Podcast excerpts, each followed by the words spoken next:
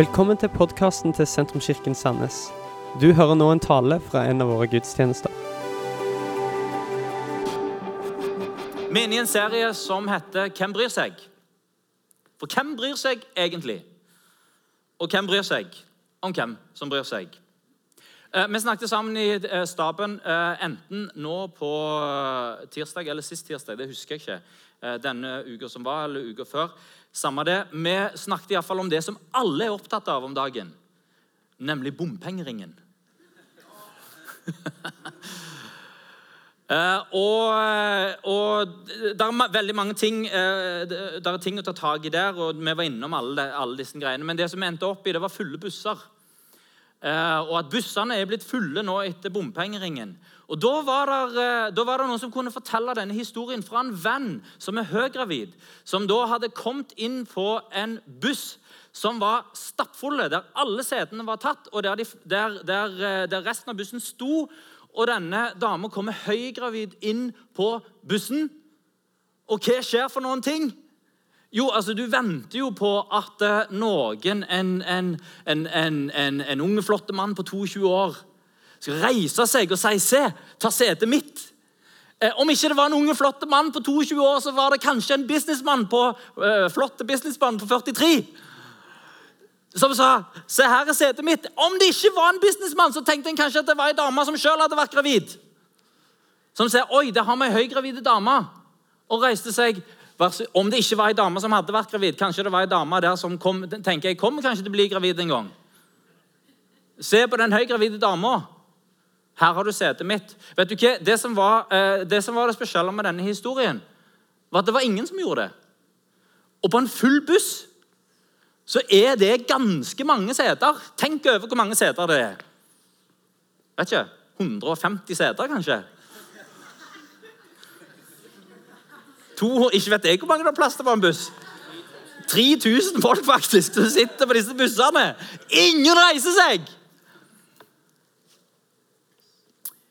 Er det rett og slett fordi at ingen bryr seg? Eller henger det kanskje sammen med den norske individualismen? Den der individualistiske tenkningen som gjør at jeg har ansvar for mitt liv. Den personen har ansvar for sitt liv, og så tar systemet seg av. Systemet passer på at alle har det, det som de trenger. Så hva sitter alle de 3000 som sitter på sine eh, eh, sitteplasser Hva sitter alle de og tenker? De sitter og tenker på bomringen. Og systemet. Oi, oi, oi, det er så elendig system. Tenk, vi sitter på full buss.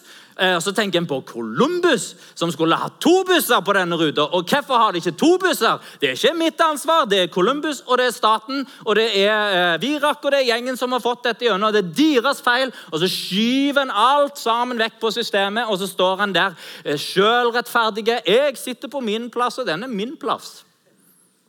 Og har ingen tanke for den gravide dame som kom inn, for det er systemet sin feil. Kanskje er det sånn?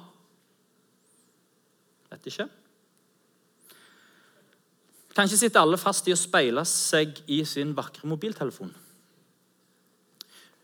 Fullstendig bedøva for absolutt alt som foregår rundt den.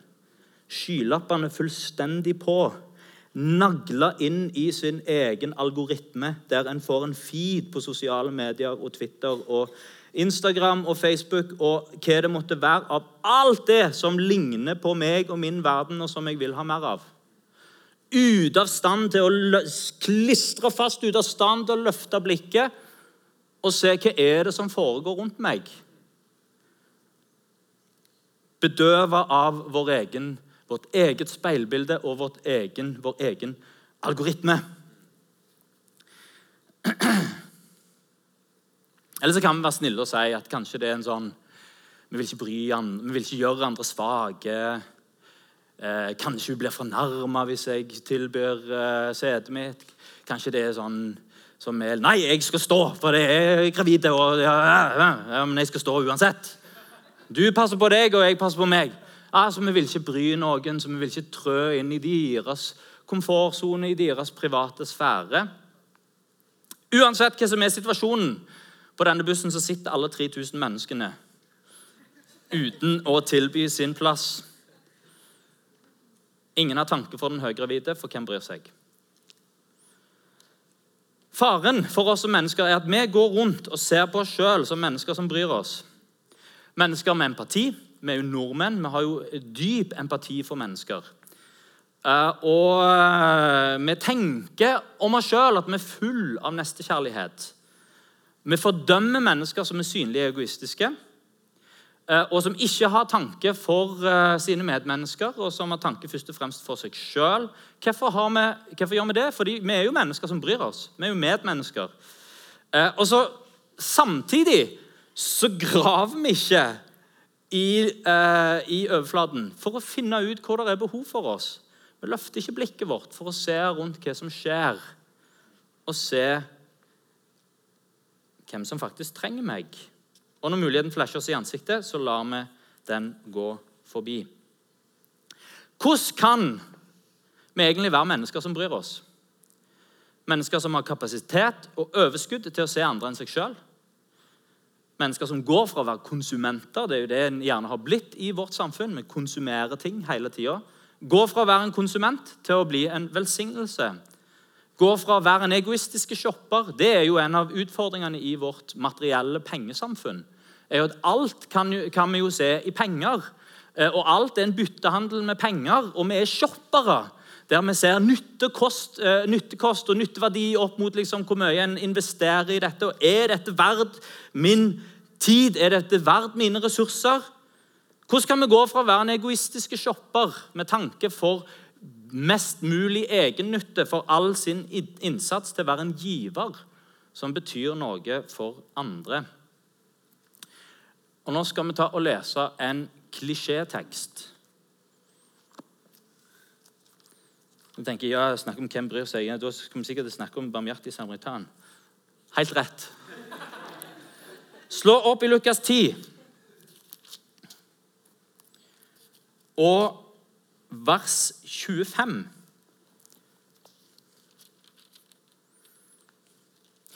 Denne fortellingen er kobla til i Lukas så er den fortellingen her kobla til oppdraget. Når Jesus sendte ut disiplene sine to og to, eh, så kommer denne fortellingen her ganske rett etterpå.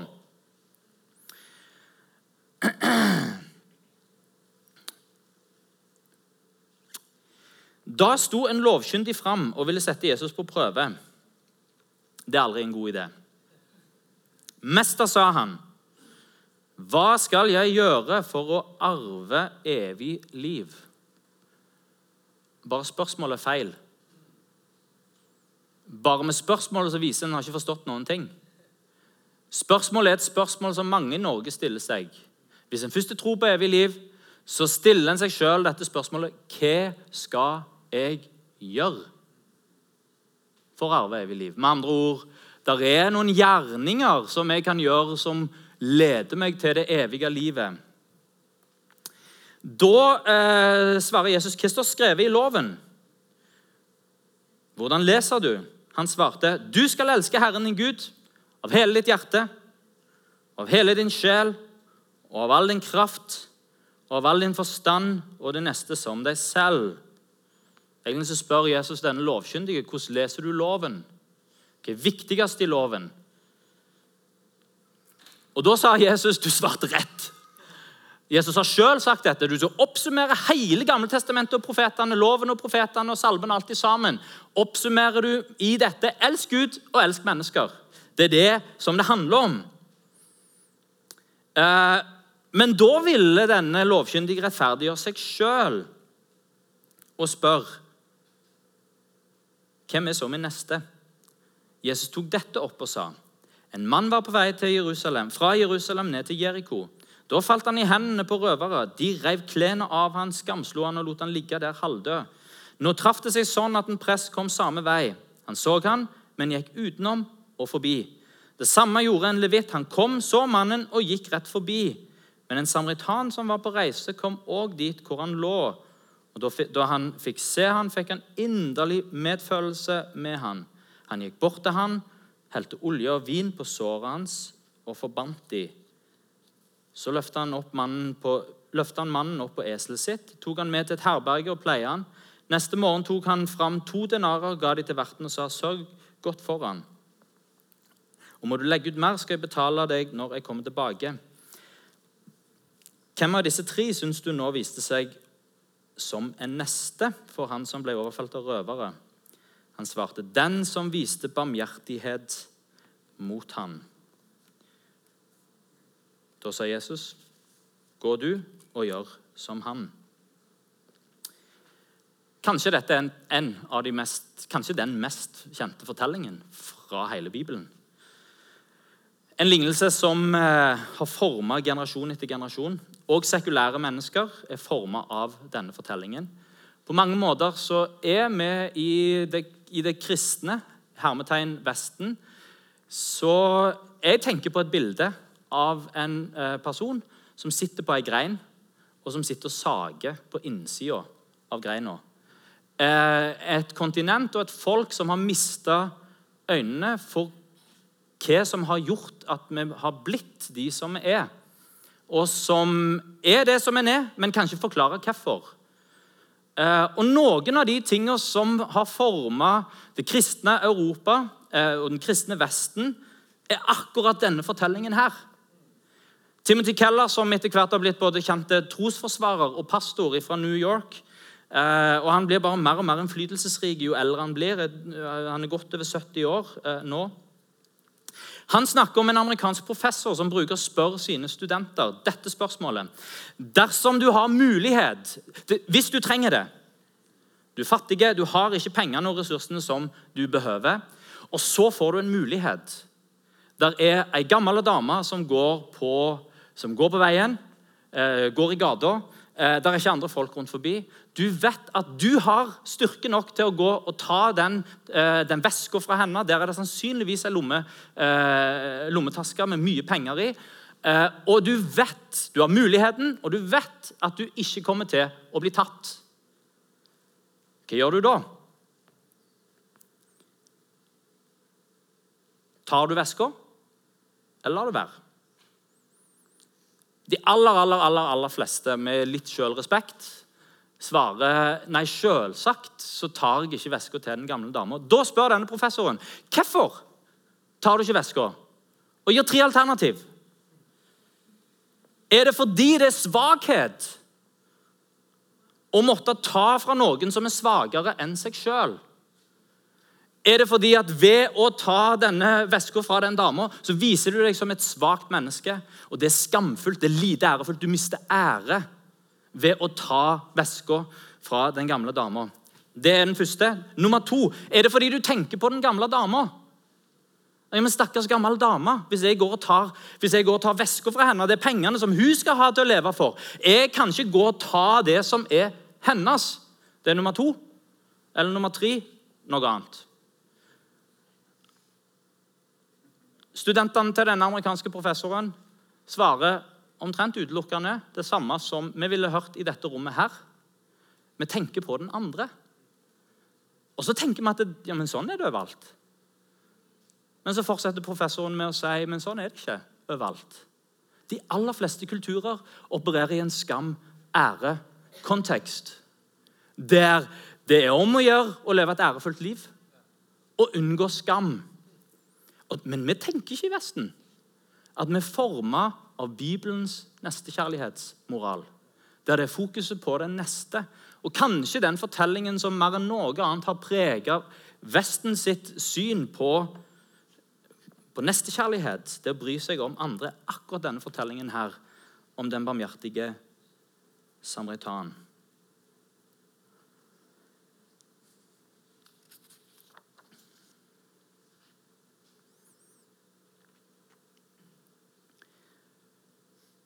Det kommer fra spørsmålet 'Hvem er min neste?' Det kommer fra en lov, lovlærd som ønsker å rettferdiggjøre seg sjøl. Som ønsker å få bekrefta at det å elske sin neste er begrensa til ei smal gruppe mennesker. Eh, og, eh, og det er et spørsmål som passer perfekt inn i vår tid. Hvem er min neste? Jesus svarer virkelig på spørsmålet hvordan har vi mulighet til å vise barmhjertighet. Den første tingen her er å se forbi seg sjøl.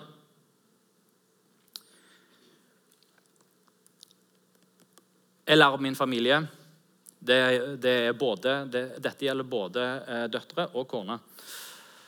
Eh, til å bruke øynene når vi er på tur. Dette er veldig viktig i vår familie. Eh, det er å ha øynene med seg. Når vi kjører i bilen, så er det viktig ikke å ha øynene først og fremst på det som skjer i trafikken, men på det som skjer på sida av veien. Så Mine døtre er i stand til å se et rådyr i 100 km i timen. Eh, se, rådyr, havørn. Eh, de får dette med seg. Og Etter hvert har eh, kona òg begynt å få dette med seg. Når vi er i skog og mark, så stopper mine døtre. Der var det en fuglekonge. Oi, oi, oi. Ja, du, pappa, hva er den lyden der? Hva er det som er der? De får med seg ting. Hvorfor? Fordi en er lært opp til å bruke øynene når en er ute på tur. Eh, og det skjer noe med oss når vi bruker øynene når vi er ute på tur. For vi ser ting som vi kanskje ellers ikke hadde oppdaget. Oi, pappa, så du den laksen, den fisken som hoppet i elva? Vi var nettopp med Figgjo-elva, vi så en laks som hoppet der. Eh, og du blir en del av noe som er større enn deg sjøl. Du føler deg ett med veien når du ser rådyr. Eh, sånn innimellom. Eller når det plutselig kommer tre havørner eh, som, som, som, eh, som, seiler over, over bilen. Sånt syns iallfall jeg er veldig viktig. Det er flere malerier av situasjonen med den barmhjertige samaritan som viser presten gående på veien med øynene ned i ei bok. Det står her at han så, men hodet hans så ikke. Hodet hans var en annen plass. Kanskje var det en samfunnsengasjerte prest som var på vei til et TV-intervju om global oppvarming. Og syntes det var veldig, og tenkte liksom på hvordan skal jeg få legge fram dette her på en overbevisende måte. Eller kanskje han hadde en avtale med en sponsor til Kirkens Bymisjon som han er, var engasjert i. Og han gikk og tenkte på det møtet som han var på vei til, og så ikke personen som var i grøfta. Eller kanskje Ganske enkelt, Han var bare travel, hadde ikke tid.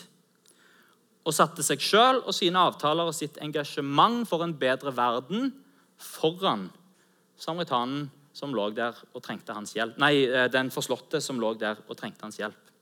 Den andre som gikk forbi, det var en pastor i en pinsemenighet.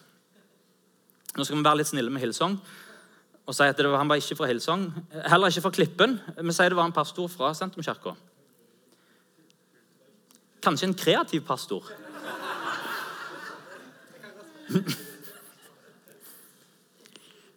Den kreative pastoren er på vei til teammøte. Det skal være mulighetskveld i kveld. Og kommer med, med nøkkelen til loftet hvor han skal ha mulighetskvelden. Og er, som en kanskje av og til er når en kreativ pastor litt seint ute. Og vet at jeg har nøkkelen, og nå står det allerede noen utenfor døra, og det regner litt, og venter på at jeg skal komme og låse opp. Eller kanskje en er litt for seint ute til link-gruppa. Eller kanskje en er på vei til kontoret og er litt sent ute på vei til kontoret. Eller kanskje en skal treffe noen for en kaffe. Eller kanskje en bare går rundt og, går og surrer i sine egne tanker og sine egne bekymringer. Eller kanskje en til og med er på vei hjem fra et ungdomsmøte. Hvor det bare var herlighet og glede, og en går og surrer rundt i sin egen hva skal si, glede over alt det som skjedde, og som Gud gjorde på ungdomsmøtet. Kanskje en er glad for å ha bedt med noen til frelse. Eller fordi han har hatt en menings, meningsfull trossamtale med noen. Uansett, pastoren fra Sentrumskirka går forbi. Eller kanskje for å være litt snille mot uh, kreativ pastor, så kan en si at uh, det var meg. Som kanskje er enda mer sannsynlig. fordi en onde? Nei. Men fordi denne presten og denne pastoren var til stede i sin egen fortelling. Mitt miljøengasjement, mitt engasjement for en bedre verden, min tjeneste i kirka, min oppgave i kirka, det som jeg skal gjøre. Og det er utrolig å se hvor ofte vår, den, en, en kristen tjeneste blir en sånn en fortelling. Min tjeneste. Hvis bare jeg får gjøre det som jeg vil. Og hvor fort vi suller oss sjøl inn i vår egen fortelling. Det er en individualistiske måte å tilnærme seg hele det kristne oppdraget, det kristne fellesskapet og Gud på. Felles for alt dette, og, er, og det kan se veldig bra ut med felles Meiet er i sentrum. Fra gresk mytologi så har vi historien om Narkisos. Jegeren fra Tesby i Botia, som var kjent for sitt vakre utseende. Eh, og Han var da sønn av elveguden Sefisus Sephisus og nymfen Lyriope. Han var stolt, stolt over sitt eget utseende. Og folk elska han, men han behandla de som elska han, dårlig. Så var det hans eh, fiende Nemesis som da så hans oppførsel og fikk Narkisos til å komme til et basseng. Der med bassenget så oppdagte Der oppdagte Narkisos noe så uendelig vakkert. Han forsto ikke at det var sitt eget speilbilde, men han ble så henrykt at han bare ble dratt ned mot dette vakre bildet og ble forelska i det vakre bildet som han så. Så forelska at han var ikke i stand til å bevege seg. Narkisos mistet etter hvert livsevnen, for han bare visner hen. Og gresk mytologi sier at den vakre narsissusblomsten er det som var igjen av han når han da eh, døde. Eh, som vi kanskje forstår, så har vi ordet narsissisme, som er den der sjølopptattheten. Det har vi fra denne, denne, fortellingen i gresk mytologi. Men det som kanskje ikke alle har fått med seg, det er at ordet narkose kommer fra samme plassen. Her, eh, den, der en bare går inn i en sånn døs, og der en ikke har, eh, liksom, helt uh, følger med på det som skjer rundt seg. Og ordet narkotika. Oppfordring til oss i dag ikke vær bedøva av deg sjøl. Se forbi deg sjøl Lær som mine døtre å ta øynene opp fra seg sjøl og se på omgivelsene og få med seg det som skjer. Nummer to se forbi din algoritme. Spørsmålet 'Hvem er din neste?' er utrolig dekkende for vår tid. Vi lever i et nettverkssamfunn der vi velger oss nettverket vårt. Vi velger oss hvem er våre venner, hvem er det vi henger med, hva er vårt miljø. Eh, og, og, og, Ofte så ser nettverket vårt ut etter hvert som en blir eldre. Du, eh, får du barn, så har du nettverk med masse folk som får barn. og, og, så. Er du student, så er nettverket andre studenter. Gjerne studenter som er opptatt av det samme som deg. Gjerne studenter som deler din politiske overbevisning. Eh, så, og, og, Det kan være eh, på, på, hva som helst, egentlig. Vi får et nettverk etter hvert som blir en sånn Facebook-algoritme, der en kan speile seg sjøl i de menneskene som en omgir seg med. Derfor er spørsmålet til den lovkyndige det er et spørsmål for vår tid. Hvem er min neste? Hvem skal jeg bry meg om? Jesus sier videre at vi skal være blind for hvem som er vår neste. Og Så snur han på hele problemstillingen og sier vi skal ikke gå rundt og tenke på hvem er min neste, hvem er de jeg skal bry meg om, hvem er de jeg skal hjelpe. Men han setter fokuset på, han spør til slutt hvem viste seg å være en neste. Vær en hjelper, vær en som bryr seg. Du er en blinde for hvem det er som trenger min hjelp. Vær opptatt med å bry seg. Istedenfor å spørre 'Hvem er min neste?', så kan en spørre 'Hvordan kan jeg være en neste?' Istedenfor å spørre 'Hvem skal jeg hjelpe?', så kan en spørre seg sjøl 'Hvordan kan jeg være en hjelper?' Istedenfor å spørre 'Hvem skal jeg tjene?' Så kan jeg spørre hvordan kan jeg være en tjener? Istedenfor å spørre hvem skal jeg velsigne med det som jeg har, så kan en spørre hvordan kan jeg være en velsignelse. Og Kirka er en fantastisk arena for å lære dette. Hvorfor? Fordi det er mennesker, ikke bare mennesker som en har valgt. En velger seg en kirke, ja, det gjør en, men der er det masse mennesker som velger kirka. Og Da er det folk i forskjellige alder, i forskjellige livssituasjoner, i forskjellige trosreiser, forskjellige politiske overbevisninger fra forskjellige nabolag, fra forskjellige kulturer og fra forskjellige språk. Og dette er så viktig. For Kirka består av masse folk som en liker, og den består av masse folk som en ikke liker. Denne kirka gjør det. Hvis det er bare mennesker som du liker her inne, da er det, da er det kanskje feil kirke. Fordi det, det, er mennesker som ikke har valgt.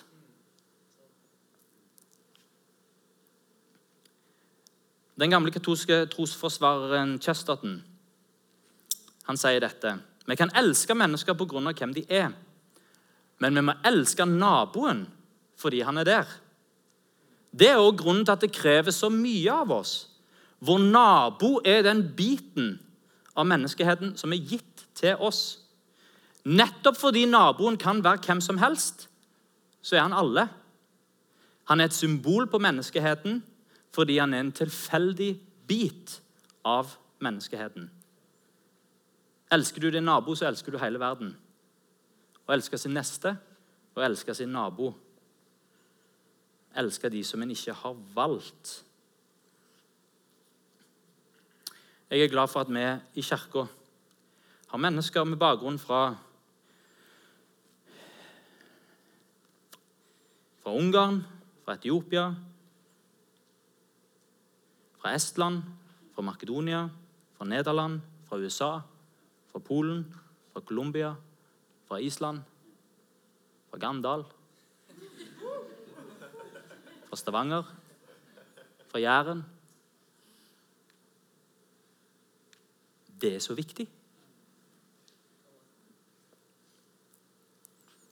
Kanskje noen har fått med seg at uh, Frp-politikeren, lederen for Oslo Frp, Mazyar Keshvari, uh, som er kjent for å være hard, litt sånn som Fantomet, hard mot de harde, uh, og som leder et parti som er for strenge straffer for kriminalitet, som nå har innrømt å ha skrevet falske reiseregninger for flere hundre tusen kroner.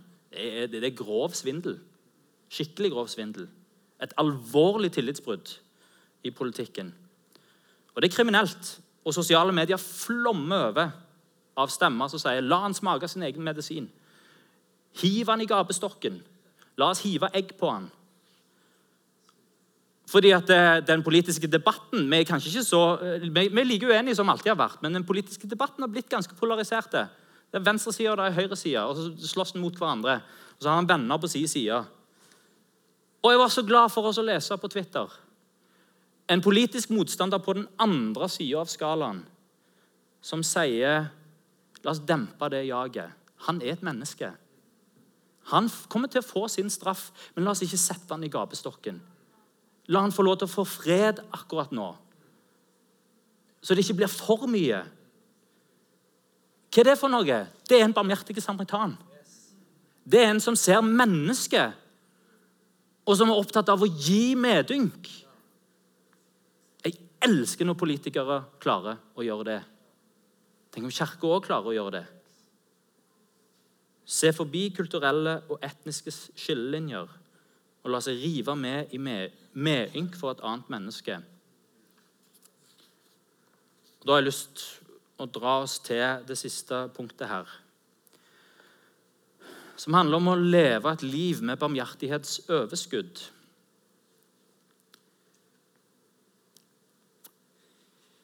Først må du ha øynene med deg, komme ut av ditt eget skall, være åpen for å se utenfor din egen boble, være villig til å elske den som du ikke har valgt. Men det er et ord til oss òg i Vesten i vår tid. Skal òg ha overskudd. Margaret Thatcher, eh, som, som, var britisk statsminister over, over mange, mange år og som var jeg, jeg, tror de kalte henne for Jernkvinnen. Eh, hun ga seg aldri. Uh, hun hadde en litt sånn, uh, sånn, annerledes tolkning av den barmhjertige samaritan. Hun sa den barmhjertige samaritan det, Dette er ikke helt, det, det er ikke helt innenfor sånn, sånn, sånn, teologisk. Jeg mener det, det var den inderlige medynken som han fikk når han så det var den som, som, som, gjorde at han hjalp, at det ble noe. Margaret Thatcher dro det liksom litt sånn materielt over på ja, men den barmhjertige samaritan. Eh, han hadde mulighet til å hjelpe. Han hadde et esel. Eh, og det, vi, vi kan godt få et bilde av et esel her. Han, han hadde et esel. Han hadde penger. Eh, og, og han hadde olje.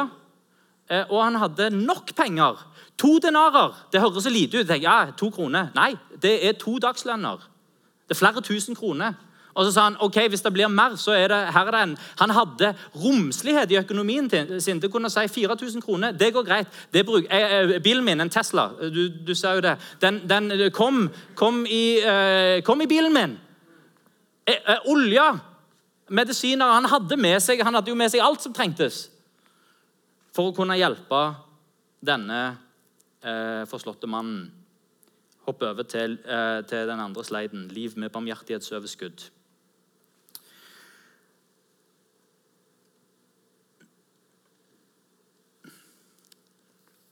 Vi har ressurser. Vi kan velge om vi vil være shoppere eller givere. Um,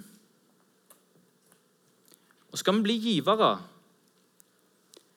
så må vi gå vekk fra den der shoppementaliteten. Hva får jeg ut av dette? Kost-nytteverdi. Eh, har, eh, hvis jeg investerer, er det verdt min investering? Kanskje er det noe mer nyttig jeg kan bruke pengene på. Hva om denne forslåtte mannen hva om han er en drittsekk? Hva om han ikke er verdt mine penger? Altså, Den barmhjertige samaritan kan umulig ha gått og stilt seg disse spørsmålene. Han har bare blitt grepet av medynk. Og så har han margin i økonomien sin. Eller han lager margin i økonomien sin til å si ja, men jeg vil være en ressurs. Jeg vil være med å hjelpe. Hvordan kan jeg bruke mitt esel? Ikke bare i tjeneste for meg sjøl, men i tjeneste for andre. Det ble gjort en eh, undersøkelse på studenter på teologiske studier i Princeton i 1973. 40 studenter. Eh, som skal sendes fra et fakultet til et annet for å forelese. Noen skal forelese om arbeidsmarked, andre skal forelese om den barmhjertige samaritan. Og Så legger de da i dette forsøket en forslåtte mann, en full forslåtte mann, eller forslått, altså som ser litt sånn kummerlig ut, mellom disse to eh, fakultetene. Eh, til den ene gruppa så sier de du har, du har greit med tid. Til den andre gruppa så sier de du, du, eh, dette klarer du akkurat hvis du, hvis du går fort nå. Eh, og til den tredje gruppa så sier de du, eh, men nå har du dårlig tid, for dette skal begynne nå. Du må forte deg. Og Så spør de disse studentene om deres trosliv, hvor engasjert trosliv de har. Og Det som er så interessant er at det, det engasjerte troslivet, og om de skal forelese om den barmhjertige samaritan eller om arbeidsmarkedet, har ingenting å si. For om de stopper å hjelpe denne her mannen som trenger hjelp, som har, de som har så dårlig tid at de skal, eh, de skal bare rett bort der. De er seint ute. Nesten ingen av de stopper. De som har uh, halvdårlig tid, der er det få som stopper. Mens de som hadde margin, sa ja, men du, du har greit med tid. Dette går bra. De hadde tid til å stoppe opp og bry seg. Vi er ofte kritiske til oss sjøl men så glemmer vi situasjonen som vi kommer fra, og hva som kreves av oss. Barmhjertighet er i vår tid en luksus som vi sjelden unner oss å vise barmhjertighet. En luksus som vi sjelden unner oss i hverdagens stress og fart. Og vår travelhet tar bort vårt ønske om å hjelpe. Å se til andres behov kommer i konflikt med andre sine forventninger på oss. Dette er reelt. Vesten og jeg var i Makedonia i mai. Der møtte vi tre sigøynerjenter. Vi kan kalle dem for Cassandra, Elvira og Esmeralda. Cassandra spurte om penger. Og så fulgte Vesten opp med å snakke litt med henne. Hva du vil bruke pengene til? Nei, Hun sparte til en lusekam. Og så så meg og Vesten på hverandre og sa ja, men skal vi ikke kjøpe den lusekammen til henne. Og så fulgte hun oss eh, til nærmeste apotek med eh, Ja, det er bare rett her borte. To minutter å gå. Eller Det var 20 minutter å gå. Og vi fulgte henne. Hun snakket som en foss i 20 minutter. Det var, kjempe, det var kjempeløye. Det var så koselig. Og Vi kom inn der og vi skulle kjøpe lusekammen, og hun på apoteket hun så på vesten og sa du, altså bare før du kjøper den her, du vet hvor mye den koster. For den var ikke billig. Og så fikk hun lusekammen sin. Elvira kom for å tigge penger mens vi satt og spiste på en restaurant. Og vi ga henne litt penger, og hun ble sittende og snakke med oss. Hun endte opp med å tilby oss sitt smykke. Har dere lyst på smykket mitt? Det var sånn der en Hello Kitty-smykke i plastikk. Og Vesten snakket med henne, og hun fortalte hvor vondt det var med alle de som kalte henne vonde ting. Sikkert ikke mer enn seks eller syv år gammel. Esmeralda solgte lommetørklepapir. Vi kjøpte, og hun drog smilende ifra oss. Vi så hvordan hun ble bare oversett på nesten alle de andre bordene. Og hvordan noen skysjena vekk ganske så lite respektfullt. Behandla som annenrangs, behandla med forakt. For hvem bryr seg vel om tre sigøynerjenter som tigger, og som selger krimskrams for foreldrene sine? Pengene går jo kanskje uansett til noen bakmenn. Og vi må jo ikke oppmuntre dem til å fortsette å tigge. De må jo gå på skole. Foreldrene deres må jo ta ansvar. Kanskje behandle ungene sine sånn. Og alt det er sant. Kanskje. Men hvem bryr seg? Det begynner ikke med at en stiller alle de spørsmåla. Det begynner med at en har overskudd til å se et annet menneske og til å bli grepet av medynk og til å bry seg. Og Jeg kan fortelle denne historien, for I Makedonia så hadde vi veldig god tid den langhelga vi var der. Vi hadde overskudd i kalenderen vår til å si ja, men det er ikke noe som venter på oss. La oss følge denne sigøynerjenta bort til apoteket. Det var et lite eventyr. La oss sitte og snakke med denne seksåringen som forteller lage den der lille marginen i det travle livet vårt. Nå er det ikke så mange sigøynerjenter her i Norge som en skal følge til apoteket, og det tar 20 minutter, men det er folk som trenger 10 minutter av vår tid. Det er mennesker som trenger vår oppmerksomhet. Og det er klisjé at en bringer fram en historie om en tigger, men det gjelder ikke en historie om en tigger. Det gjelder den gravide dama som kommer inn på den overfylte bussen. Det gjelder sigøynertiggeren som en treffer i Langgata, men det gjelder òg ektefellen din. Noen ganger kan en sause seg sånn inn i sin egen verden at en ikke ser at ektefellen trenger meg akkurat nå. Det gjelder ungene sine. En kan sause seg inn i ansvaret på jobb, som gjør at en kommer hjem og en ser ikke og hører ikke at barnet mitt har det vanskelig på skolen akkurat nå. Det gjelder den personen i link-gruppa di som har slutta å komme. Ja, men det bestemmer den personen sjøl. Ja, det bestemmer den personen sjøl. Men kanskje trenger den personen at en gir litt av sin tid og sin oppmerksomhet. For kanskje den personen trengte deg akkurat nå. Det gjelder naboen din. Kanskje gjelder det mor di akkurat nå. Eller broren din. Kanskje er det en venn som du har gått på skole med. Eller en barndomsvenn. Kanskje noen som du studerer sammen med. La oss lage den der marginen i vår hverdag. Tid til å bry seg Tid til å få inderlig medynk.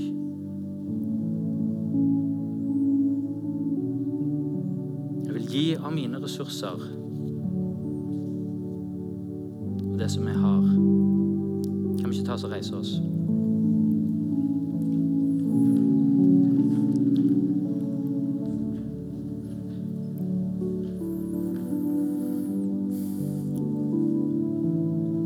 Du, dette handler ikke om hva jeg må gjøre for å arve evig liv.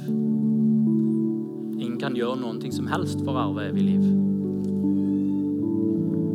Faktum er det at vi kan snu på hele lignelsen om den barmhjertige samaritan. Og så kan vi si at uh, det er jeg som ligger der, forslått i grøftekanten.